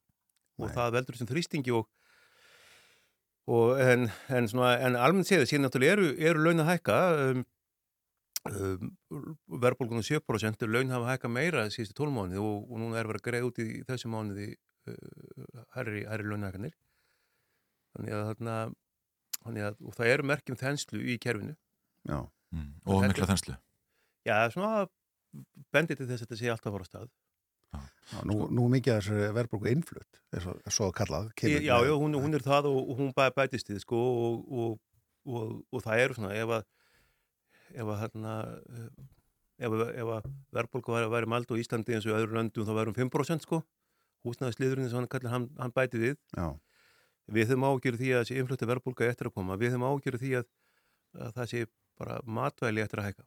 Mm. Stríði Úkarinju, þetta, þetta er frjósamasta svæði jarðar sem er bara sprengi, tætlur og hérna og hérna Úkarinjumenn og rúsa líka á þessu svæði eru að framlega greiðlega mikið korni og þannig við höfum, höfum ágjörðu því og hérna en ég um, en eins og ég hef alltaf kallað eftir, ég vil sjá að við sem þjóð vinnum saman og að þessi, þessi byrði, þessi tekin á selabankanum að reyna að halda verðbólkiskefum að við mm. einhvern veginn tökum saman um þetta mm. og, og það er að þetta er sjálfsögur ekki gleði efni Nei. ekki, ekki sjálfsögur sko. Þú nefndi það að þú óttaðist að kjara samningar kynnti verðbólkubálið sko, enn frekar og, og þetta svona hækkan hafa náttúrulega heilmikið láhrif á, á fólk heimili sem er með eitthvað 50 miljóna húsnæðislán á breytilinu vöxtum getur átt vonað því að greiðslubyrðin aukist um sko tæpar 500.000 krónur ári getur við sagt. Eh, Vilhelmur Birgisson hérna, eh, skrifaði fæsla á Facebook eh, þar sem hann spurði Sælubankan hvort þið haldið ekki að slík aukning á greiðslubyrði auki líkunar á að, að, að hægt verið að ganga frá kjærasamningum nei, fjandakortin ekki, segir hann. Eh, setur þetta allar kjæra viðraður í uppná? Já, ég, ég, það er bara ég er antúrulega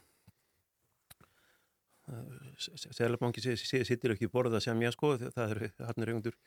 Já sko, ég, ég álutið að þannig að okkar hlutverk er það að tryggja vergildi krónur. Tryggja það að, að launin haldi vergildi sínu. Þannig að ég, ég myndi að bara snúa þessu við að Sælabankin er að reyna að tryggja kjara viðræðinu fyrir, fyrir hérna, verkefælisfjölu Akranes og önnu verkefælisfjölu bara með því að reyna að koma í veg fyrir það að verðbólka fara böndun.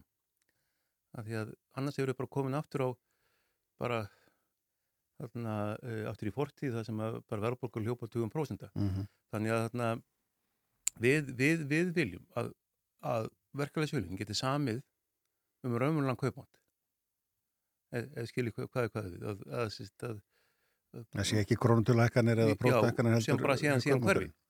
Og, og svona, ég á álítað og ég get alveg skilið uh, verkefælis leittóa fyrir að vera, þetta kemur ítla við þeirra félagsmenn, ég get alveg mm. skilið það en ég álut samt að ég sé að við sem að vinna í hægin fyrir fyrir þjóðuna mm. þannig að þannig að, þannig að þarna, ég reyna að halda verðbólgu í, í skefjum og þarna, það sem ég átti við að, að sko ef að varandi næstu kjærasamninga því að núna um, núna er ándur að koma um, influturhækkanir, það, það er bara einhvern veginn og þetta er miklu fleiri styrðið í Úkraníu einhvern veginn alþjóðvængin, hún er bara snúið tilbaka mm bara fyrirtæki átt þessu því að það er bara ekkert, endilega sniðut að, að láta frammeila hluti fyrir sig í Kína. Því að bara Kína getur lokað út á alls konar ástæðum og viðstæð þingarnir og svo framvegs. Það er bara miklu betur að færa þetta heim. Og við erum að sjá núna, og það er kannski góða fréttir fyrir þetta verkefliðslega tóa, ég held því sem að sjá gríðilega mikla atvinnusköpun í, í vestunum löndum. Þegar ég held að störfin sé að koma aftur heim og bara þeir sem eru að framlega bíla eitthvað staðar átt að sjá því það sé ekkert sniðust að láta framlega eitthvað parta uh, á okkur um stöðum sem að, sem að getur alltaf lokast. Mm -hmm.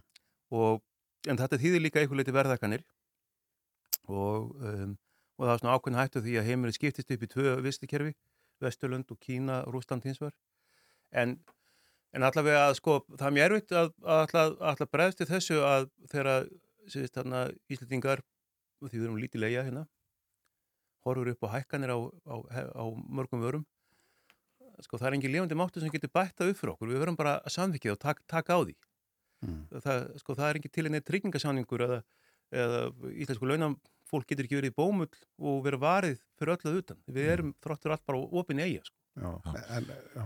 Já, já, einmitt en, en sko stærsti þátturinn í verðbólkunni er náttúrulega húsnæðisliðurinn og, og þú lemdur á fundinum í gæra að það veri vonbriði að að hert lánþega skilirði hefði ekki haldið betur oftur af húsnæðismarkaðnum en raunbar vitni.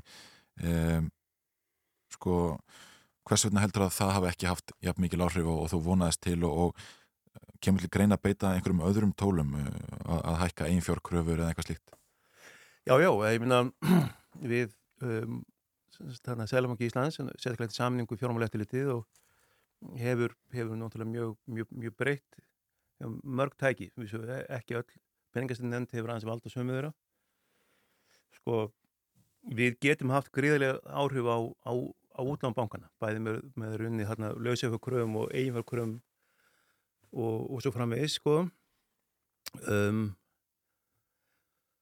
um, og ég held að mögulega mun, munum við beita þeim tækjum áfram eh, sérstaklega ef að það lítur út fyrir að að eh, eitthvað sínist útlónin vera ó, óvarleg en bara vextir voru 2,75 verðbólga 8,9% og, og í þeirri stöðu líkur að beinast við að hækka, vexti um, um, En er einhver lösni í því að, að hérna svo hefur nú oft verið rætt að taka húsnæðarliðin út úr þessu því að þú talar um 5% verðbólgu ef að húsnæðarliðin var ekki inn í. Það er rétt. Það skiptir svolítið miklu máli. Já, ég sko það sko ég myndi því sko, ég frekar orða sko að ekki taka húsnæðsliðin út bara, bara hvernig húsnæði er mælt á Íslandi. Ég held að mm. það sé eh, alls ekki hafið yfir að vafa hvernig það er gert. Ég held að það sé, við sem seljabankstjóri má ekki á skoðuna því því að Hagstofan er sjálfstafstofn eins og Sælabankin er sjálfstafur og við erum bara að mm. taka vísturinn í en, um, en, en Mögulega þarf að skoða það, þú? Já, sko ég álut, já, sko, ég telur reyndar það sé orðið sent núna, ég minna, ég, ég held að, ég held að við, við, við, við séum að ná tökum húsnæðismarkanum, ég held að að húsnæðismarkanum verði við námstöðuleika, bæðið með auknu frambóði og aðgjörum okkar. Fastna verði stabiliserist og við getum nota fastnamarkaðan sem ekki er til þess að ná, ná niður verðbólku núna. Mm. um, en, en, en það er alls ekki sko, húsnæðaskostnað verður verið inn í výsturunni en, en það er alls ekki þjóður hafa valið með mismöndu leiði til þess að meta húsnæðaskostnað og, um, og eins og bara þarna og, og það má alveg deilum það hvernig þetta er gert hér en ég, mm. ég, ég get ekki tekið afstöðu í, í þeirri Nei. Nei, hvernig er þetta gert eh, í einhverju nákvæmlega ríkjum það sem, það sem, hérna, það sem um, einhverjum líst betur á þetta? Sko það þannig á í Íslandi að bara, uh, bara húsnæðskostnaði er bara metin út frá húsnæðisverði mm -hmm. og, og bara held ég minnir að þetta sé bara í rauninni bara þryggja mánu meðaltæla húsnæðisverði í öðrum löndum eru uh, þetta er metið með öðrum hætti húsnæðskostnaði metið sem er húsalega um, sem er tjóðlis í stabíli stærð sko, eða þó að eða þó til þetta metum að aðeins, aðeins öðrum, öðrum hætti. Mm -hmm. en eins og segja aftur ég Selmokk Íslands bara fær sín, við eigum bara meða við þú ístölu sem, að, sem er ekki gefur út. Já.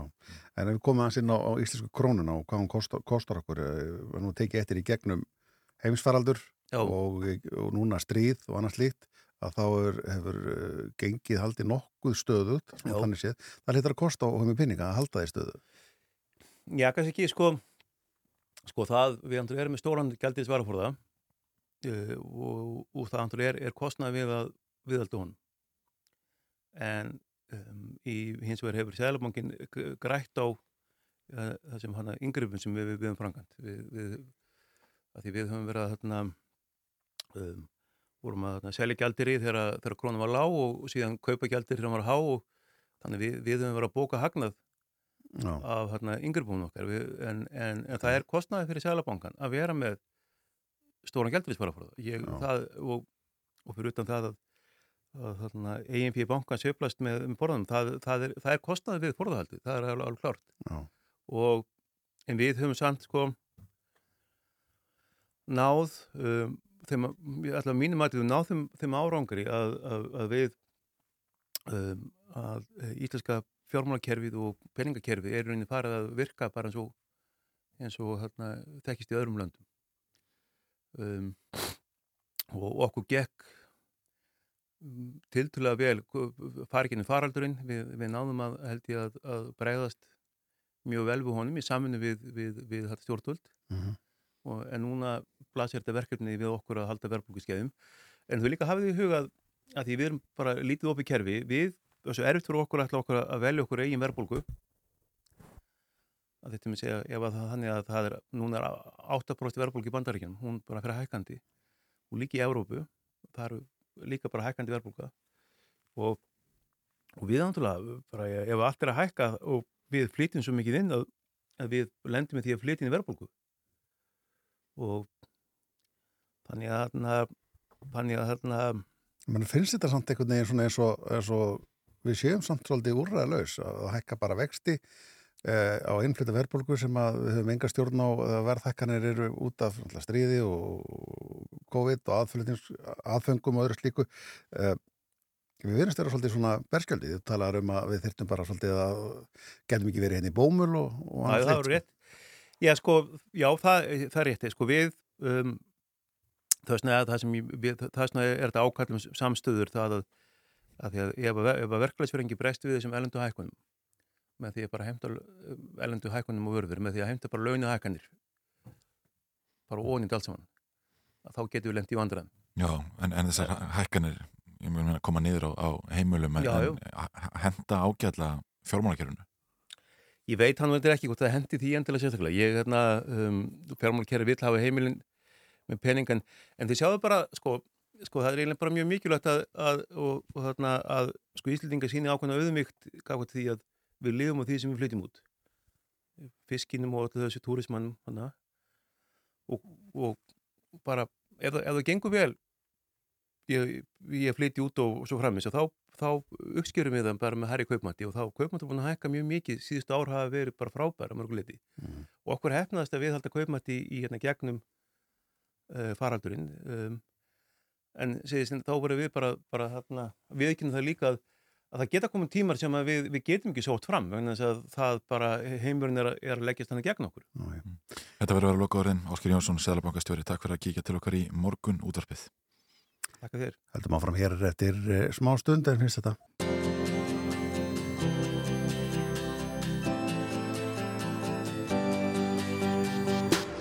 Þú ert að hlusta á morgunútvarpið á Rástvö.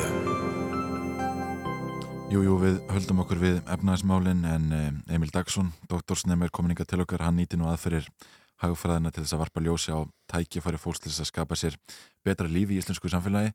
Eh, góðan daginn og velkomin í morgunúttarpið. Já, sæl takk. Sko, segðu okkur aðeins frá þessari rannsótt sem þú ert að gera núna. Já, sko uh, þessi rannsókn uh, aðal áhersla hennar er þá raunin að skoða samband hverskinn þá gæða þá eru að tala um þá kannski mentun, tekjur, eignir og það milli kynsluða og með þessu þá á ég við að ég er þá að skoða til dæmis hvaða áhrif mentun fóreldra er að hafa á Mhm. mentun barna þeirra og hérna og hvernig þetta samband hefur þá þróast yfir tíma á Íslandi Mhm. og við erum þá skoða þetta svo nánar kannski bara út frá þá uh, svona öðrum þáttum svona sem að hafa mögulega áhrif á þetta svona með annars uh, kannski eins og arðsemi mentunar eða fjármögnun mentukerfisins eða svo, þess áttar sko Já, já. Og þá er stóra spurningin bara hversu jöfn tækifæri hefur fólk í íslensku samfélagi runni. Já, sko eins og semst, fyrsti kapli greinarar með snúað uh, mentun og þá erum við að segja ef að mentun reyðuleiki mikill á Íslandi sem að fyrir rannsóknir hafa sínt að hann sé allan meiri heldur en gengur að gerist í Evrópu. Og þá erum við að segja runni að mentun einsta- einstaklinga er kannski ekki háð uh, mentun fóraldræðra Mm. sem bendir til þess þá að sé uh, hvað sem er meiri tækifæri runni á Íslandi. Já, einmitt, einmitt. Þannig að hérna, sko það er verið að mæla hana til og með sko forréttindi mismöndi samfélagsópa og ás að að meta eh, sko hversu jöfn tækifæri er í okkar samfélagi eh, og, og þú er rauninni byrjar strax að kanna þetta þarna bara í, í BS-náminu. Já, já, þetta er rauninni lokaverkunum mitt bara í grunnámi sko, sem að ég fer að skoða þetta og þá er sko, fannst mér svo áhugavert að niðurstöðum sínda að, hérna, hreyfanleiki niður á við sem sagt þá í mentun um, Og var- hvað áttu við, þú segir hreyfanleiki mentunar?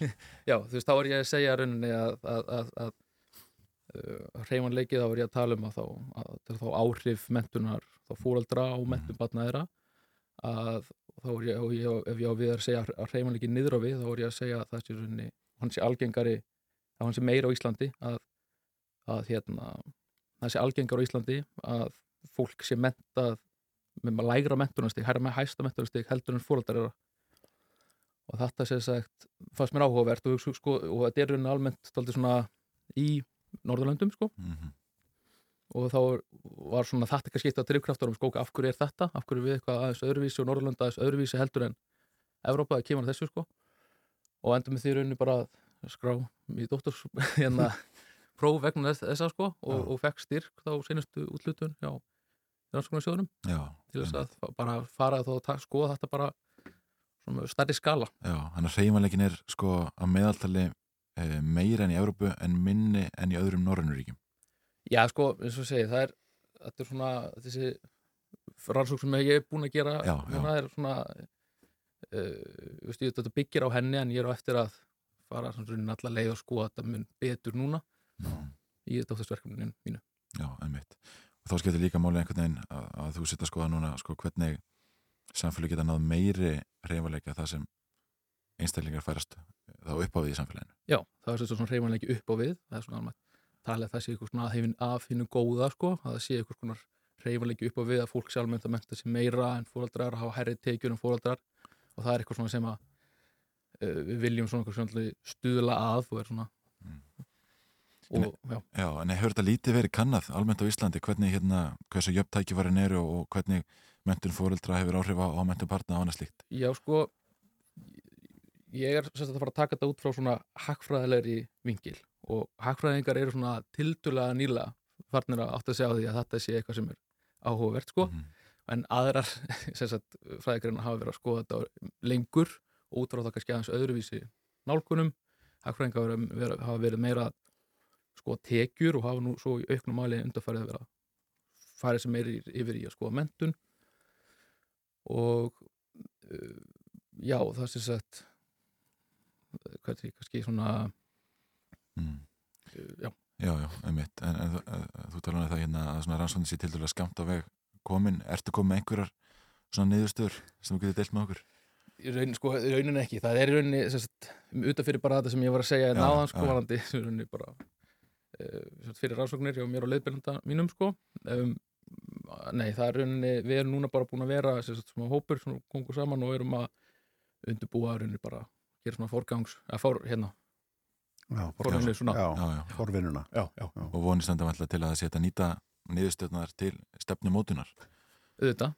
Það er bara auðvitað viljum við að það verði síðan og við getum sínt fram á hvernig verður þetta mögulega stuðla meira hreyfanleika upp á við komið vekk fyrir þá okkur kannski mögulega hreyfanleika niður á við og, og, og, og svona við náum betri skilningi á hvernig þetta er að virka þá fyrir Íslands, Íslandsku samfélagi sko mm. og getum stuðla því til þess að bæta lífskjör fólks. Er það markmiði kannski að þá hvetja fólk til að mitt að horfa í, uh, læra meira og menta sér meira heldur en fóröldra sínir og oft þannig að fólk kannski heldur ánfram í fjölskyldu businessunum eða við orðaða þannig eða, eða, eða inn í þetta flettast allan í mínum huga kannski líka að uh, það var talað um fyrir einhverjum árum síðan að færa allir í háskólanum Já. ekki innum til dæmis þar er þú að það sé nú peninga þar og hittir nú alls ekki, alls ekki hérna, endilega vanlegara til árangurs en, en það er eins og hafi verið einhver skiptingarna allt í hennu mm. Eh, þetta tengist þessu eitthvað? Sko uh, auðvitað tengist líka bara inn í þetta menturingarskeiðan svo öðru sniði heldur en sko tekjur, maður sko tekjur og þá vil maður verða alltaf bara svona hærri tekjur eru Já, einmitt, alveg burt sér sko, hvaðan koma já. Einmitt, hvaðan koma sko. En, en, en þegar maður er sko mentun þá, jú, auðvitað vil maður að herri, mentun og reymanleiki upp og við að fólk sjálf menta menta sig sem meira fólkdrar sín er, er veginn gott sko, en, en auðvitað tengist inn í þetta áhuga svið og, og fleiri þættir, þannig að maður ég vil ekki vera, veist, ég er ekki að segja þá bara, já, allir ætti bara að fara í háskóla, háskóla sko, óháð því hvað þú, hvort þú hefur áhuga á bífélavirkjun eða hvað sem það er sko. Uh, að hérna og peningurinn er oft meiri yngri heldur, heldur, sko. heldur en einu minn. Svo sem. Já, já, einmitt, en, en hvenar hérna hvenar líkur þessar rannsókn og, og, og hvenar getur við svarað á þessar stóru spurningu? Hvenar, hversu jöfn tæki væri fólki að vera í íslensku samfélagi? Já, ég get komið bara aftur hérna til ykkar þegar hérna eh, ég kom inn niður störu þetta er ég svo að segja, þetta meina styrkurinn er til þryggja ára sko. Uh, og ég vona að þetta verði mest megnast komið þá. Mm. ég stefni allan að því sko. Já, einmitt. Emil Dagsson, takk fyrir að kíkja til okkar og, og ræða jöfnuð og ja, efnaðasmál og mentun Já, Takk fyrir að fá mig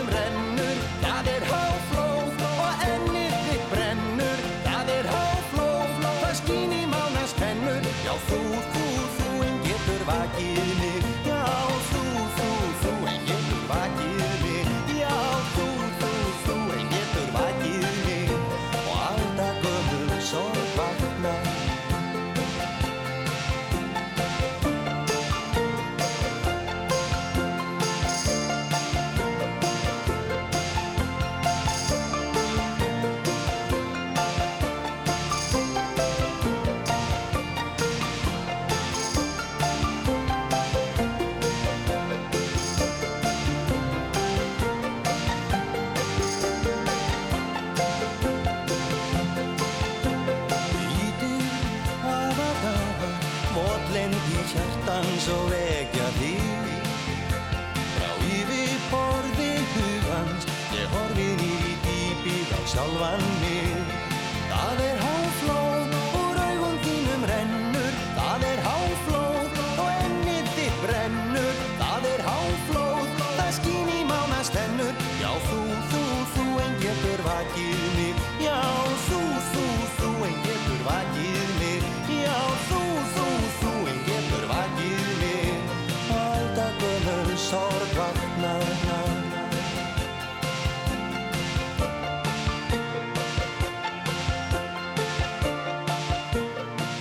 er eh, Böpi Mortens og eh, hann er verið að syngja um með áflóð. Nú, eh, hér eftir smá stund þá ætlar hún Sigardögg kynfrangur að koma til okkar. Hún ætlar að spjalla við okkur um nýtt verkefni sem hún er að fara að staða með að, og síðu sem heitir Betra kynlíf og e, hún ætlar að segja allt um þetta eftir eitt lagað svo með Amy Winehouse. Já, þetta er Back to Black.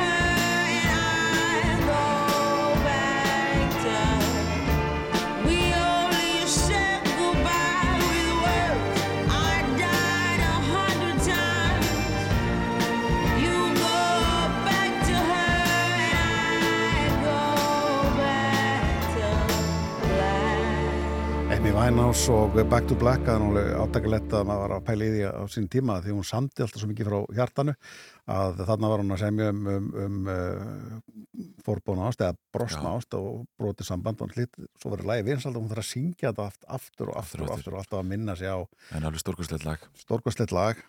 Og blessi sér minni kennar, hún eh, náði nú ekki að, að, að lifa lengi. Nei, 27 ára var 27 hún farin. Já. hann er sorglegt, en svona er það. Herðu, við ætlum að tala um betra kynlíf Já, heldur betur, kynfræðingurinn Sigga Dögg er komin inga til okkar og ætlar einmitt að segja okkur frá nýjasta verkefni sínu sem heitir einmitt Betra kynlíf og, og velkomin í morgun útvarpið. Takk fyrir það. Hvað er þetta að fara að gera með þessu? Þetta, er- þú er búin að vera að ræða náttúrulega kynlíf eh, og uh, þessu tengt í, mörg ár. Hvað, Já. hvað er þetta nýtt? Hvað er þetta að gera hann? Heyrðu, ég er náttúrulega kannski búin að vera einbeita mig svolítið að unlingunum og kennunum. Ég er búin að vera svolítið mikið innan skólana og nú langar mig að fara að tala við fullorðna fólkið. Já, Að ég hef sko, eftir ég opnaði samfélagsmiðluna mína, svona einhvern veginn upp á gátt og sagði bara, að ég sagði alltaf við krakkana, með alltaf að senda mér spurningar og svo fatt að ég segi þetta ekki við fullorðna sko. já, og ég nýtti COVID þannig, ég nýtti hérna lockdownið í það bara, heyrðu, ok, ég ætla bara að fara að bjóða upp á þetta fyrir fullorðna, hvað vill fullorðna fólki vita? Að hverju spyrða já. og það var einmitt eins og eitthvað svona flókáttir hefur brostið og ég fekk bara ótrúlega mikið af spurningum og það opnast stór díalógur þannig að ég gæti svona borið kennsla bara, heyrðu, það eru rosalega mörg þekkingar göt sem að ég kannski löngu búin að tækla í grunnskólanum með krökkunum bara í fyrsta tíma. En fullanda fólki er að bera með sér alls konar skömm og vannlíðan út af hlutum sem er bara mjög einfalt að fræða um og bara nei, veistu, þetta er bara ekki svona eða þetta er bara alveg eðlilegt, þetta er ekki til að ágjur af. Og þau eru þá að senda á samfélagsmiðlum á þig. Já, þannig að þau hafa verið að gera það í mörg ár og ég hef, eða sem sagt núna, já, í tvö ár svolítið mikið og ég hef verið að halda utan um þetta. Og ég var að hugsa, þú veist, ég þarf að gera eitthvað stórt, það þarf að, ég þarf að ná til allra í öllum landshornum út um allt og ég er bara einmanneskja og svo það sem að líka, þetta ástand, svolítið farið okkur, var tæknin. Tæknin kom nær okkur og við skildum hann öðru svo notum hann öðru sig. Þannig að, ég hugsa, herru, no bara go big or go home svo ég sletti.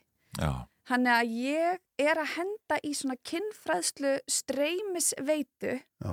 fyrir fullorna sem er bara allt sem þú mögulega gætir vilja að fá að vita um kynlíf, bara öll þekkingi sem ég hef um kynlíf búin til í bara mymböndum sem að annars vegar fyrirlesta sem ég fleit og svo hins vegar viðtöl við aðra sérfræðinga. Sem eru þá inn á þessari síðu Sem hægt er að nálgast. þú er að, hérna, að koma með sko, það, spyr, það sko, í 60s eða 70s eða sko 7. andan áratunum sem hétt sko allt sem þú vildi vita um Já. og þorður ekki að spyrja. Þú ert bara komið þangað. Ég er bara komin þangað Já, og líka sko að því að fólk er oft svo forvitið um vinnuna mína og hvað ertu að gera í vinnunni og, hérna, og hvernig hittur þú og hvernig er þetta fólk hérna í þínu fræða heimi og það er til svo mikil þekking. Fólk býr yfir svo mikil þekking og það er erfitt að vita hvað átt að sækja hana hverju getur þú treyst og stundum er eins og fjölmiðla séu stærsti kinnfræðarinn okkar út af svona alls konar smellamellum og einhverjum fréttum og frásögnum. En ég hugsaði bara hérna er virkilega tækifæri til að breyta til að fræða fólk og til að ge gera svona aðgengi að svona meira aðgengi að allar, allar þessar þekking og öllum þessum upplýsingum. Einmitt. Þannig að þarna er ég bara að hitta uh, íslenska og erlenda sérfræðika sem eru með mjög sérhæfða þekkingu menn aðrir eins og ein, uh, hún er írsk hún ætlar að tala um svona króniska verki og sásauka og kynlíf og hvernig það getur haft áhrif á parasambandið. Svo fjalla ég um grindabotnin ég fjalla líka um píkuna ég tek fyrir kynlífstæki, þú veist þetta er bara svona kynlíf í sinni víðustu, víðustu mynd. Já. við langar bara að gefa alla þekkinguna mín Já, já. Þú, þú nefndir hérna áðan að, að stundu varu fullori fólk að spyrja spurninga sem þú hefur rætt við úlinga eh, já, þá erstu stíðan grunnskóla eða hvað Já. eh, sko, hva, hvaða getur nefnt dæmi um eitthvað svona algengar spurningar sem, sem fullorna fólki hefur verið að burast með og, og, hérna, og spyrð þig síðan loksins? Já, bara einn sem er furðu algeng og, og það er svo gott sko að vera í tengslum við fólk að því að annars hættir manni til að gera ráð fyrir þekkingu. Þetta heldur mér á tannum sko um, eini gær til dæmis var þegar að hann næri ekki risi sérst þegar maður með næri ekki risi þá hafnar hann kynlífi og vill ekki kynlífi með mér og þá upplifi ég svo mikla höfnun. Hvað, hvernig getur við leist þetta? Og ég bara, vá þetta er frábær spurning. Og já, þetta er alveg eitthvað sem maður tekur fyrir í grunnskólanum bara strákar þið viti hvernig tippið ykkar virka það fer upp og það fer niður og, veist, og ma maður útskýri fyrir þeim risið hvað það er og hvað ekki. Og maður útskýri fyrir stelpunum að, að hérna, bara fyrir þær sem að ætla kannski einhvern tímann að kela við strák að risið þýðir ekki endilega áhuga eða áhuga leysi þannig að við þurfum að klippa á þessa tengingu við risið. Og það geta tekið upp kannski bara tíminn og fyrirlestur um stinningu og stinningarleysi, hvað er til ráða, hvernig má endur hugsa þetta. Þetta er bara, veist, þetta er bara endur forritun og endur henn og þetta er bara spjall. Það þarf ekki að sína neitt kynlíf eða fara ykkur að flokna tækni að því að allt kynlíf er bara í höstum okkur og hvernig við hugsum og hvernig við leifum okkur að hugsa. Já. Og ég er bara eiginlega að gefa fólki það tækifæri til að endur hugsa þetta og svona, herrið byrju, vá, akkur held ég alltaf þetta? Eða akkur er ég búin að burðast og rógast með þetta? Það þarf ekki að vera svona. Nei, nákvæmlega. Það hefur orðið mikið breyting á, á, á undanferðum árum um bara kynvitinn fólks. Það hefur svona leift sér að opna sér svolítið að, að, að, og þóra að spurja eins og segir. Já, og það er virkilega fallegt að því að mjög oft er þetta líka, er þetta eðlilegt? Veist, má mig langa þetta, um, maki mig var að spurja mig út í þetta, er eðlilegt að við séum að tala um þetta, hvað þýðir þetta samtal fyrir okkur og ég eður rosa miklu púðri í rauninni í það að útskýra bara, ok, ef þið langar að tala um þetta um makaðinn, svona getur þú gert það og ég hugsaði hann vef líka þannig sko að þú getur þá sendt eins og þetta myndband bara á makaðinn, bara hefðu, ég er búin að horfa á þetta, ég er að melda fyrir mér alls konar spurningar hérna og pælingar, eitthvað við svo að taka þetta samtal? Og svo er bara myndband sem er bara hvernig maður tekur samtalið, hvar tekur maður samtalið, hvað segir maður, og, mér langar bara að loða sem fólki gegnum þetta því ég finn hvað þetta kvílir á þeim. Og að hafa mikla þekkingu það, það er bara ábyrð sem fylgir því og það er ábyrð á deilinni Já, já. Og, og hvena verður hægt að nálgast þessa síðu og hvena verður hún fullununa og full tilbúin? ah, ah, svo stressandi herði, við erum búin að vera bara miljón en hún opnar í næstu viku Já. ég ætla ekki að gefa nánar dagsetningu af því þið viti hvernig það er Já, en það er næsta vika sem er deadlineið og kröntsið Já.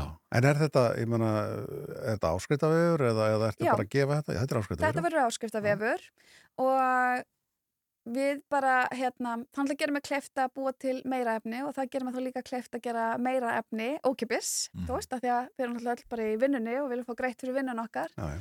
Þannig að ég sé fyrir mér ótrúlega mörg og stór tækifæri og hef alltaf haft, haft samfélagsmeilina algjörlega opna og er með rosalega mikið af fróðleik þar sem ég þykir mjög væntum að hafa. Þannig að mér langar svona að þetta er bara þetta er bara sjans til að stækka og líka því að samfélagsmeila er alltaf að hóta að hætta með mér. Þú veist, ég er í stöður rít sko en þú finnur mig ekki á Instagram það er stundum erfitt að adda mér, ég kem ekki upp og alls konar svona.